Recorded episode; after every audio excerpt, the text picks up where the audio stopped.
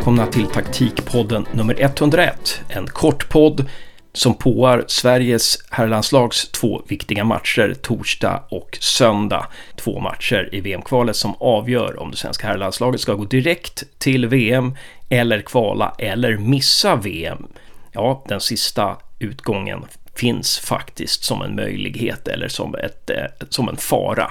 Om Grekland slår Spanien och Sverige förlorar mot Georgien så är kvalgruppen öppen mellan tre lag i toppen. Men möjligheten finns också att Sverige ikväll, torsdag, är klara för VM i Qatar nästa år. Om Grekland tar poäng mot Spanien och Sverige slår Georgien. Inte en omöjlighet faktiskt. Vad är det då Sverige behöver tänka på för att kunna göra bra resultat i de här två svåra bortamatcherna mot Georgien och Spanien? Faktum är att Spanien kanske passar det svenska landslaget bättre än Georgien eftersom den spanska speluppbyggnaden är ganska långsam och spanjorerna gillar att äga boll, vilket gör att det svenska landslaget får god tid på sig att hamna rättvända och kan försvara det egna straffområdet. Det är ingen tillfällighet att Spanien bara har gjort ett mål på Sverige under de senaste 180 minuterna.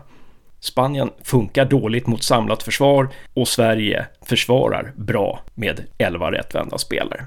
Det som Sverige måste bli bättre på för att klara av framförallt Georgien.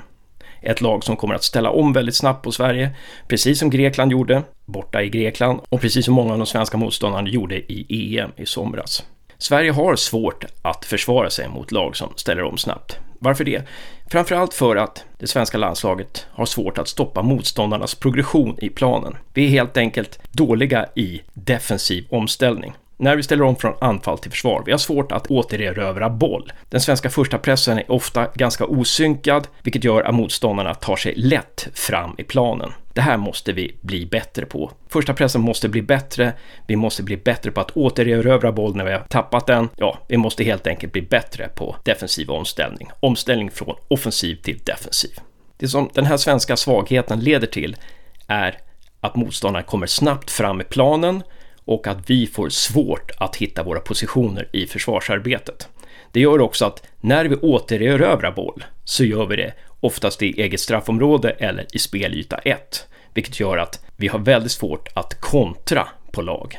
Det leder i sin tur till att vi bygger långa anfall och äger mycket boll, men utan att skapa särskilt mycket eftersom motståndarna hinner att formera sina styrkor och hamnar rättvända emot oss. Om vi tittar på de sista svenska målen, hur de har tillkommit, så är det efter fasta situationer eller efter snabba kontringar, snabba omställningar från defensiv till offensiv. Så snabbare anfall måste vara modellen. Snabbare omställning från defensiv till offensiv och snabbare omställning från offensiv till defensiv. Om vi gör det som vi inte gjorde i EM när vi släppte till alldeles för många chanser mot Ukraina, Polen och som vi gjorde mot Grekland borta.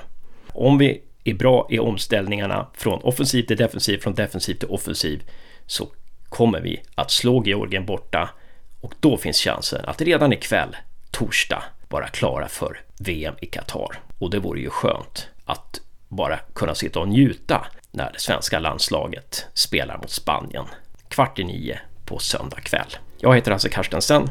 Nästa vecka återkommer taktikpodden med panelen.